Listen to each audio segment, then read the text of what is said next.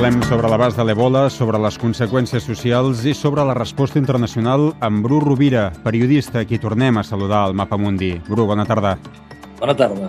Libèria, Guinea-Conakry, Sierra Leone, comptant els morts per desenes dia rere dia, Nigèria, el Senegal i altres països en alerta màxima.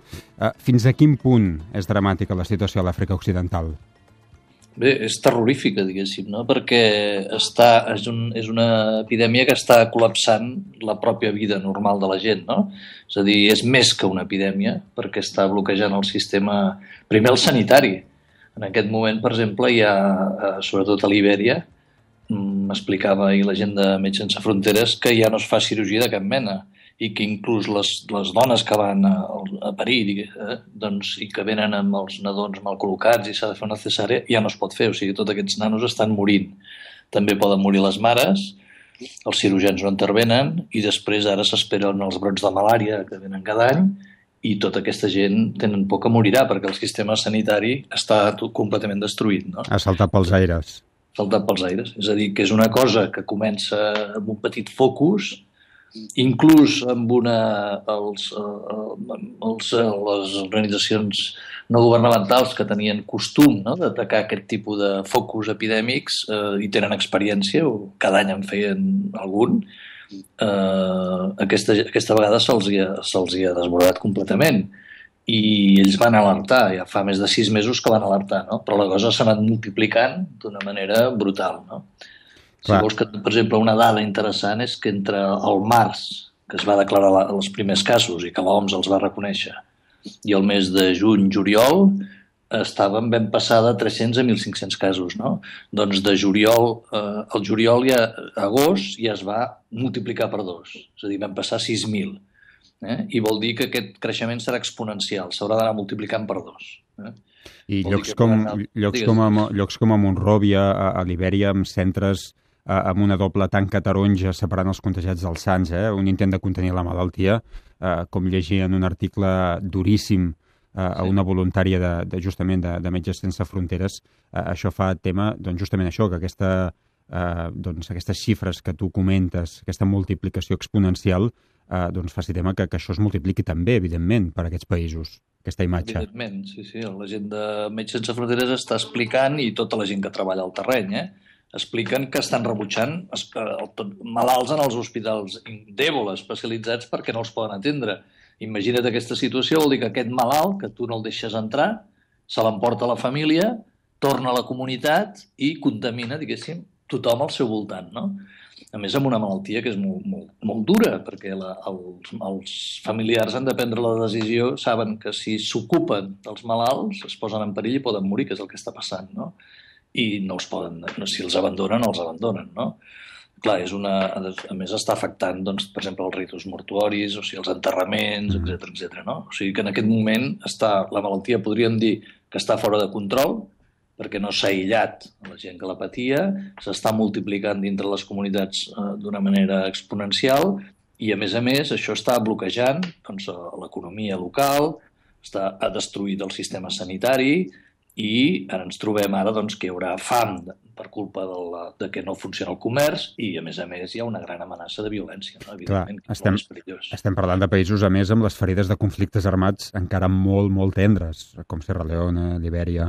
Mm. Sí, imagina't Sierra Leona i Libèria, que tenen frontera, i en aquesta frontera és on es va fer tot aquesta, aquest tràfic que, que hi ha el, el president de l'època, el senyor Taylor, no? que està al Tribunal de l'AIA, degut al seu tràfic entre diamants eh? i armes a la guerra aquesta de Sierra Leona, que va ser una guerra de diamants, no? de, de nens soldats i tal. Aquestes guerres van, van destruir els dos països i en aquest moment els focus estan justament en l'epicentre del focus està justament en aquesta regió que va ser molt castigada per, per guerres molt destructives que es va matar població civil a Mansalva. No? amb nens soldats també, etc etc de, de violacions sí. dels drets humans. Uh, com t'expliques? Tu parlaves d'aquests sis mesos uh, que han passat i que la cosa ha anat, evidentment, a pitjor, a pitjor, a pitjor. Eh, com t'expliques que hores d'ara no hi hagi hagut una resposta internacional adequada? Bueno, ha fallat moltes coses. En primer, en primer lloc ha fallat l'OMS, no? que l'OMS és un organisme que hauria d'haver... Eh, se la paga perquè faci això, no? perquè vetlli per la salut internacional, per, per aquest tipus de... Eh, estigui atenta i posi l'alerta la, quan passen aquestes coses. Després el que falla estrepitosament és la política perquè una epidèmia així que té, és, es pot intervenir bé, que la gent que els tècnics diuen que només es necessiten recursos adequats al, al volum de l'epidèmia, no?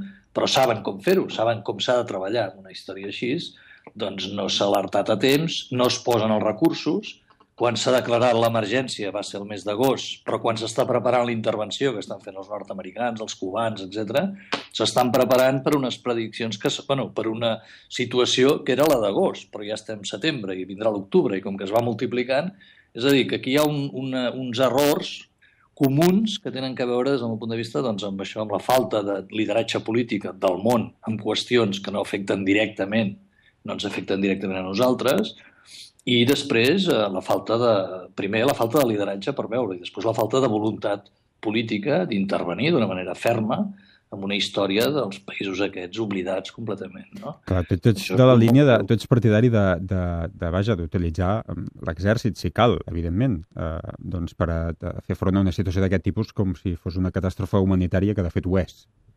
Bueno, a l'agenda vaig parlar amb el, amb el president de Mig Sense Fronteres, el Bastos, i ell diu que hauria de tenir un tractament com un terratrèmol, no? com el que es va fer a Haití o com el tsunami, és a dir, una intervenció potent amb recursos eh, que s'ha de pues, intervenir a les zones on passa, aïllar els malalts, reestructurar el sistema sanitari i després fer un seguiment de com s'ha anat escampant dintre de les comunitats. No? Això requereix una mobilització i diners de, de recursos que, que la societat moderna disposa. No? per exemple, tots els equips que tenen els exèrcits de guerra biològica o nuclear, etc etc, o els bombers. Eh? I això s'hauria d'haver activat, s'hauria d'haver posat en funcionament eh, d'una manera, com una emergència. Te'n recordes el cas d'Haití, doncs, que, no sé, van, aterraven avions i, centenars d'avions i menjar i ajuda i hospitals de campanya, tota aquesta mobilització, en aquest cas no la tenim. O sigui, s'ha deixat que es vagi extenent això i està arribant a uns nivells que, que anem sempre per darrere. O sigui, encara en aquest moment s'estan anant dos o tres passos per darrere la realitat. No?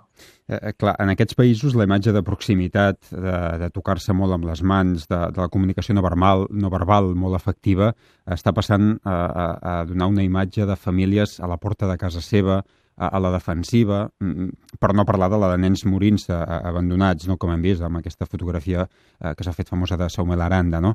Eh, sí. L'Ebola està canviant les relacions socials a l'Àfrica Occidental o fins i tot a tota l'Àfrica Negra?